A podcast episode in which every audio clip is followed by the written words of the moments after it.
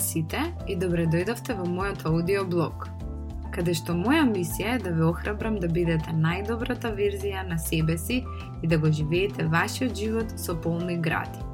Да уживате во малите моменти и да гледате магијата на секаде околу вас. Јас верувам дека секој заслужува да си го сака својот живот и да живее онаков живот како што сака. Низ разговори, споделување на лични искуства и алатки, се надевам дека ќе ви ја разбудам свесноста и ќе ве поттикнам да почнете да го живеете вашиот живот во полнек, живот како што секој заслужува.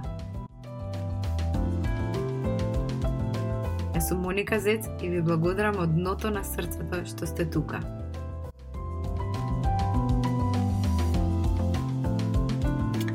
Здраво на сите!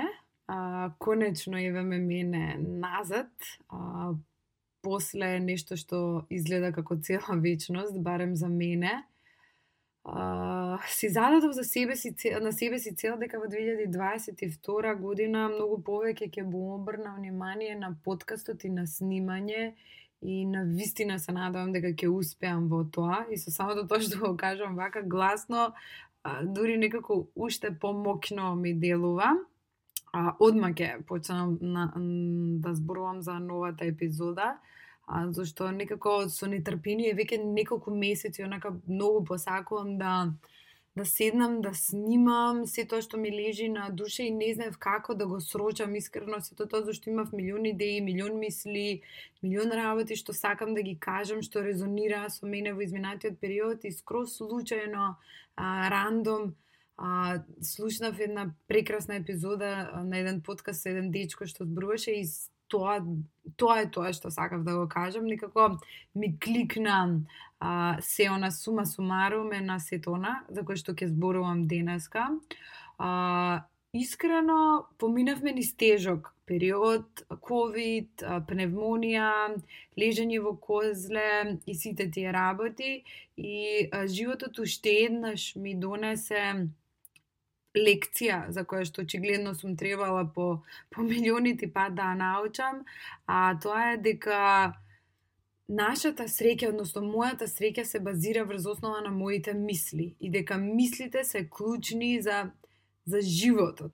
И дека буквално какви ни се мислите, таков ни е животот. А, сватив дека речи си ништо не можам да, да контролирам. А, во овој свет, а, дека без разлика што и да направам и колку и да внимавам и да пазам, постојат многу работи кои што не можам да ги контролирам, не можам да, да, да ги контролирам другите луѓе, не можам да ги контролирам а, лошите или неубавите работи кои што ми се случуваат и мене и на луѓето кои што ги сакам. А, не можам да контролирам ни, речи си апсолутно ништо во овој свет, се моите мисли и самата себе си. Научив дека има толку малку што можам да контролирам надвор од мојот ум, што искрено можам да го сведам со, со нула. Оние што пробуваат да контролираат било што друго, сем самите а, себе си, мислам дека за кратко ќе сватат дека водат борба која што никогаш нема да, да се победи.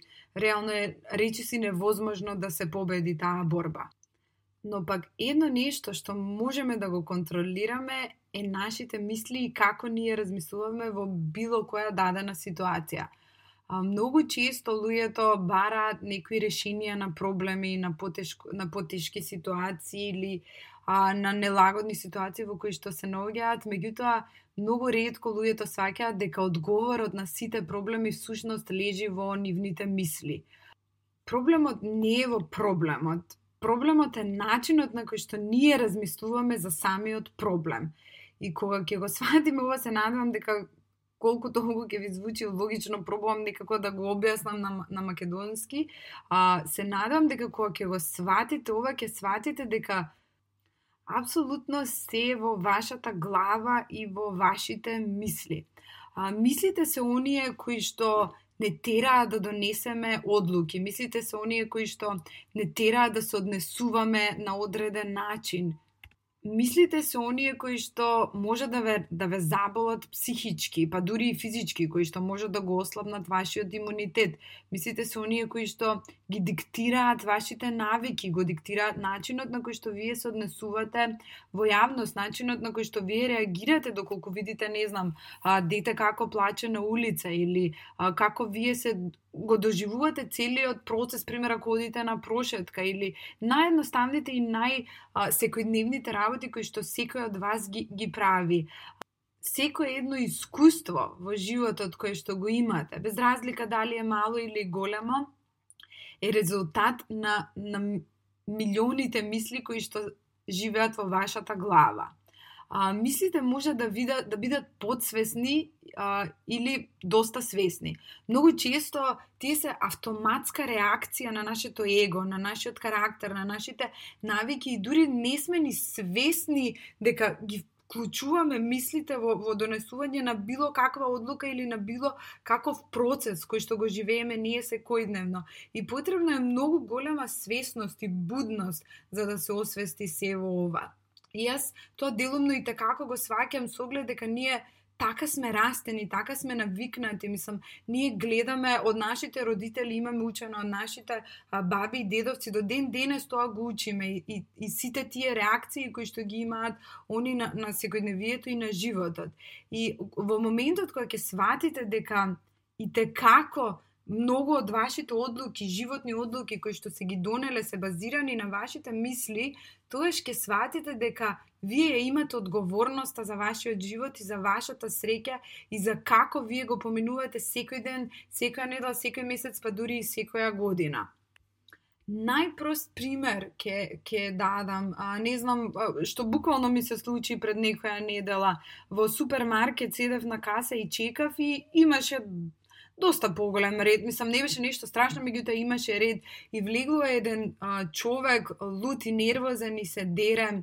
А, земете уште една каса, на што личи ова, не знам што, мислам, баш беше онака доста видно растревожен и нервозен и стресен и мислам тоа и така, како го почувствува целата околина и човекот а, застана многу близко позади мене и буквално а, даде коментар, леле како ме нервираат овие касиерките во моментот кога ќе сватите и тоа кога ќе се парафразира и ќе звучи јас многу се изнервирав поради редот или поради касиерките, ќе сватите дека всушност одеднаш самиот тој може да има контрола на навидум доста неконтролирана околност во која што се нашол самиот тој и дека апсолутно проблемот е во неговата глава и во неговите мисли и како он гледа на целата ситуација.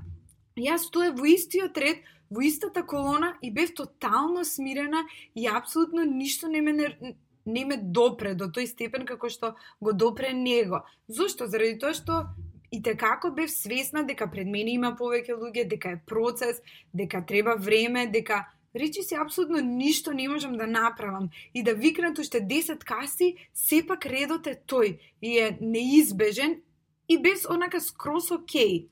Но нешто најтешко со кое што ние не сме растени како деца, едноставно самото општество ни го, ни го нема тоа наметнато е кога ќе не, кога ќе, ќе не натера да превземеме одговорност за самите себе си. Сметам дека тоа е клучот и решението во речиси во секој проблем, кој ќе превземете одговорност за тоа како вие се чувствувате и дека тоа и те како зависи до самите вас и до работата која што вие вложувате во самите вас, тогаш одеднаш ќе сватите дека имате контрола врз вашиот живот и можете да го направите а, пековот во рајот, нели, и од неубавото во убавото. И секогаш имате избор да, да, да, да мислите поинаку, да одберете поинаку, да имате поинако искуство во животот, поинако, поинако доживување во, во, во животот.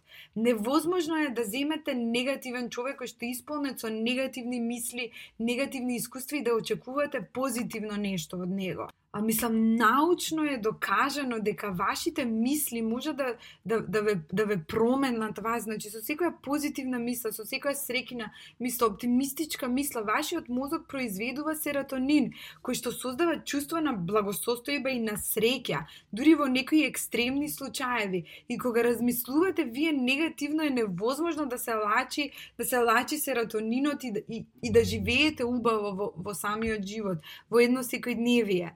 И затоа е многу битно да, да размислувате позитивно, да имате а, позитивни ставови кон животот, да имате позитивни мисли. А, живееме во ек на пандемија, живееме кога а, секој втор кажува некои лоши вести или му се случуваат лоши вести и, и многу е нормално да сме обколени со, со стварно доста тешки и комплексни ситуации кои што до сега и такако ни еден од нас не верувам дека се има најдено, но сепак на крајот на денот ние одбираме како ќе се однесуваме, нели ние одбираме што е она што ќе допира до нас и како и какви ќе бидат нашите мисли.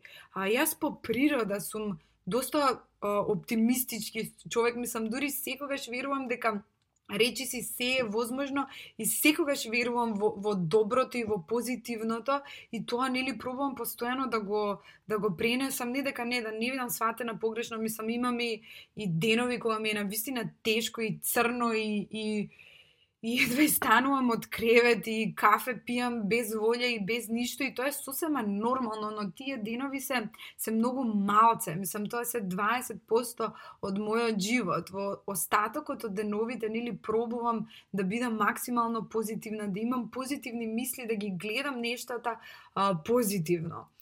Но јас не сум личност која што нели само ги кажува овие работи, туку би сакала и да го споделам со вас а, моето, моето решение, ајде како една личност да, да, да почне да размислува по-позитивно, нели да почне да ги гледа а, нештата од поинаква перспектива, зашто на крајот на денот мислите ја креираат таа наша перспектива.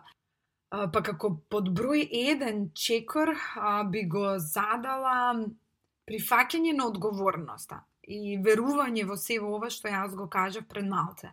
А, кога ќе вистински ќе верувате дека вие имате таа моќ да одберете како ќе размислувате во одредена ситуација, да одберете како ќе гледате на проблемот, пример доколку се соочите со било кој проблем, да, да, да верувате дека одговорноста е ваша за самите вас, како вие ќе се а, поставите во јавноста, во, со вашето близко семејство пред, пред самите вас, тогаш многу од нештата ќе ви бидат полесни и појасни. А, потребно е а, доста голема свесност за, за сето ова, можам да кажам. Па тоа дури би го ставила како под број 2, втор чекор е да станете многу свесни за вашите мисли.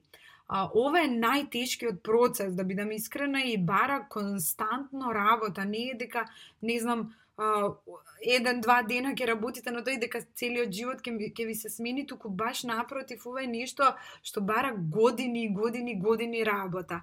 А, она, мислам дека ултра мега свесност ќе ви треба за вас и за вашите мисли. Многу често, нели како што кажа предходно, нашите одговори, а, постапки се махинални и многу често дури знаеме да кажеме како не размислував кога ја донесов таа одлука И баш и тоа и се случува. Многу често автоматски одговараме, многу често автоматски ги правиме работите. Во моментот кога ќе почнете да станете свесни што е она што вие го правите, што е она што вие го одлучувате, што е она што вие го мислите во одредена ситуација, тогаш од е тогаш буквално работите ќе почнат да се менуваат. Свесноста се крева, еден начин за кревање на свесноста е со, со journaling или со запишување во одреден дневник. А, земете, пробајте, пишувајте што и да е. Значи, дајте си одреден ден во дено, дали е наутро, дали е навечер, дали е, не знам, за руче, кога имате вие време и пишувајте. Пишувајте како се чувствувате, пишувајте што е на што го мислите, пишувајте што е на што ви предизвикува, не знам, среќа, тага, без, лутина или што е и да е.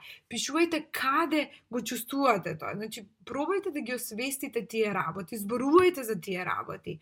А, значи, земете дали е со најдобра пријателка, со вашиот партнер, партнерка без разлика, со кој да е, значи пробајте да зборувате за оние работи. Кажете, не знам, пример, денеска бев лута заради тоа што моето дете плачеше или денеска а, се почувствував многу вознемирено кога не знам го направив ова и ова колегата ме вознемири. Значи пробајте да зборувате, колку повеќе зборувате, пишувате, размислувате на тие работи, толку повеќе ги свестувате истите. А најтешкиот чекор, можеби број 3 е да одберете да се однесувате поинаку. И тоа мислам дека само по себе искрено ќе ви дојде и откако ќе го постигнете тоа ниво на свесност и на будност, тогаш мислам дека ќе почнете да, да ја превземате таа контрола врз вас. Искрено ова е нешто на кое што јас работам, речи си две години интензивно и дури сега, мислам дека почнувам полека полека да да навлегувам во во сето тоа и да и да одбирам нели да се однесувам поинаку од она што сум и така како сум била навикната предходно да се однесувам, без разлика во дадена ситуација. А, многу е тешко и бара огромна посветеност и огромна желба и огромна волја, но резултатите се извонредни, мислам дека. А, друга тактика која што јас ја применив, а, која што ја чув на една медитација, искрено многу ми помогна, се состои во три чекори. А, тоа е првиот, нели, застани и освести го моментот дека имаш а, такви мисли, пример во одредена ситуација, ајде најпрост пример, не знам, го, изгуб, го губите вашиот новчаник. И одеднаш нели ве облева без а, енер... а, без и лутина и, и огорченост и доста негативни емоции кои што поминуваат во вас и, и сето тоа не резултира да вие имате негативни мисли. А, застанете во момент и освестете го тоа. Значи, кажете си самите на себе. Пример, јас како се кажам, аха, окей, го изгубив навчаникот и почнува и почнувам да имам доста негативни мисли, почнувам да имам доста лути мисли. Број 2. Видете како визуелно вие си ги представувате сите овие а, слики, значи кои слики ви поминуваат во глава. Јас пример во тој момент би помислила каде последно го, го оставив, а, а, како ќе не знам ќе терам понатаму во денот без новчаникот, што лошо може да се случи ако не знам ги изгубив а, парите кои што сум ги имала внатре, значи сите визуелни слики кои што поминуваат во мојата глава.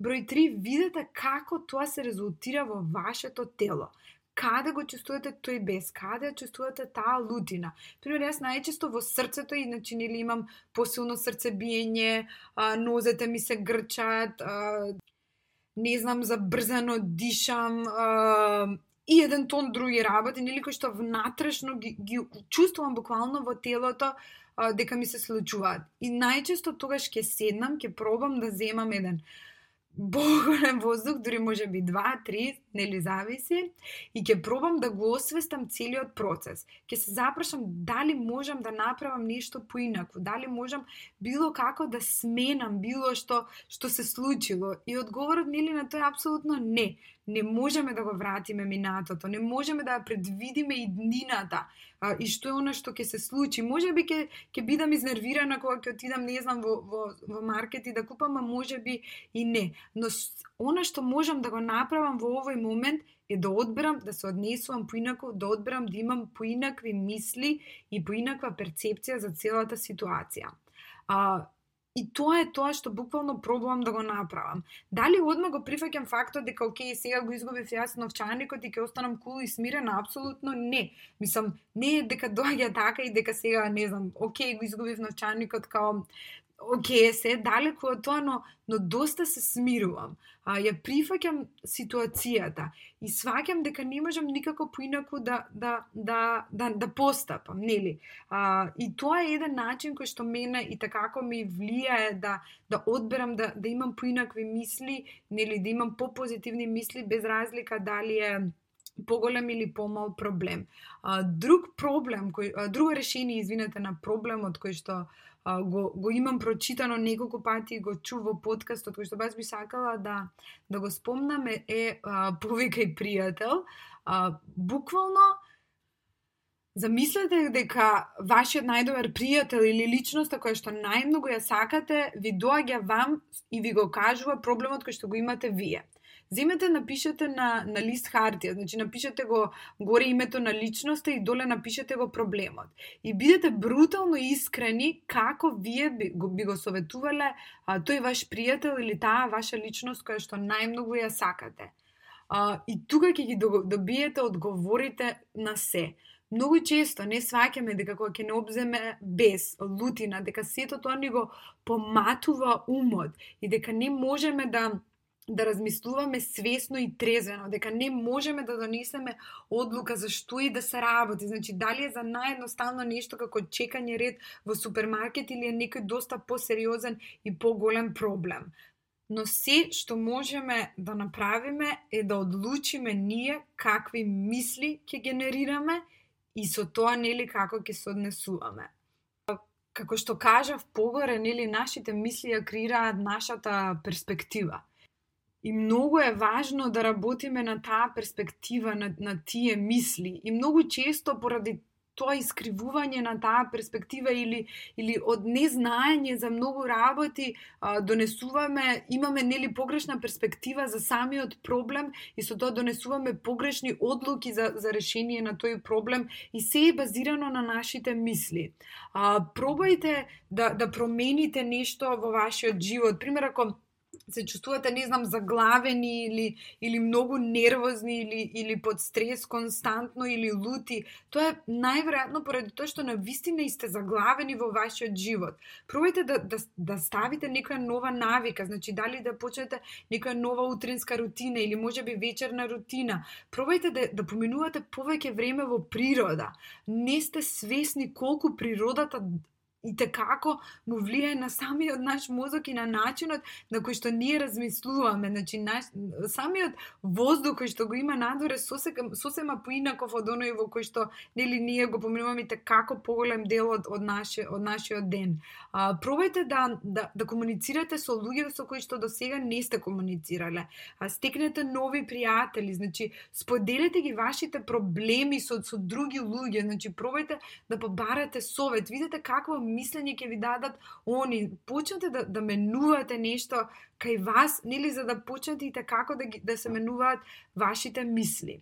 А, едуцирајте се, прочитајте некоја поинаква книга, менувајте ги работите кои што се случуваат околу вас, нели се со цел да вие почнете да се менувате, да, за да вашите мисли се генерираат, за да живеете посреќен живот често ми пишуваат дека моите слики се, инспи... се многу позитивни и извор за инспирација и такви работи. Мислам, тоа не можам да ви опишам колку мене многу ми влија и, и, и ме радува што сето она што јас го чувствам нели пробувам да го да го пренесам и дека се гледа и дека луѓето го забележуваат тоа, зашто јас стварно уживам во една обична прошетка надвор со кучињата. Јас стварно уживам дури кога доциме за во градинка и кога е општ хаос а, дома и не знам, има ја молам да дојде да облечам, значи дури некогаш ќе седнам и ќе се насмеам од што она е толку сладка и што поминуваме ни сите овие работи, но мојата перспектива и моите мисли се дека Тоа е многу нормално за две и пол годишно дете и дека без разлика јас и да се лутам и да сум нервозна и да сум под стрес дека доциме за во градинка или дека не знам што се може да се случи, апсолутно е небитно со моментот во кој што јас сега живеам. И моментот кој што е сега и тука пред мене. А, мислам дека тоа е тоа. Тука ќе завршам. А, се надевам дека ако ништо друго ви дадов една поинаква перспектива на нештата, дека може би ве охрабрив да почнете да работите на себе, да почнете да, да работите на, на вашите мисли, а, невозможно е да извлечете позитива од негативен човек и од негативни мисли. Невозможно е човек кој што има негативни мисли да живее среќен и позитивен живот, живот како што секој заслужува. А, затоа се надевам дека може би ќе, ќе ве охрабрам за целата оваа проблематика. А, ви благодарам уште еднаш што, што бевте тука и што изслушавте цела оваа кратка епизода. Ма некако ми лежеше дошта на срце и сакав да го споделам со, со сите вас. А, ви благодарам уште еднаш и имајте прекрасен ден. Поздрав, чао, чао.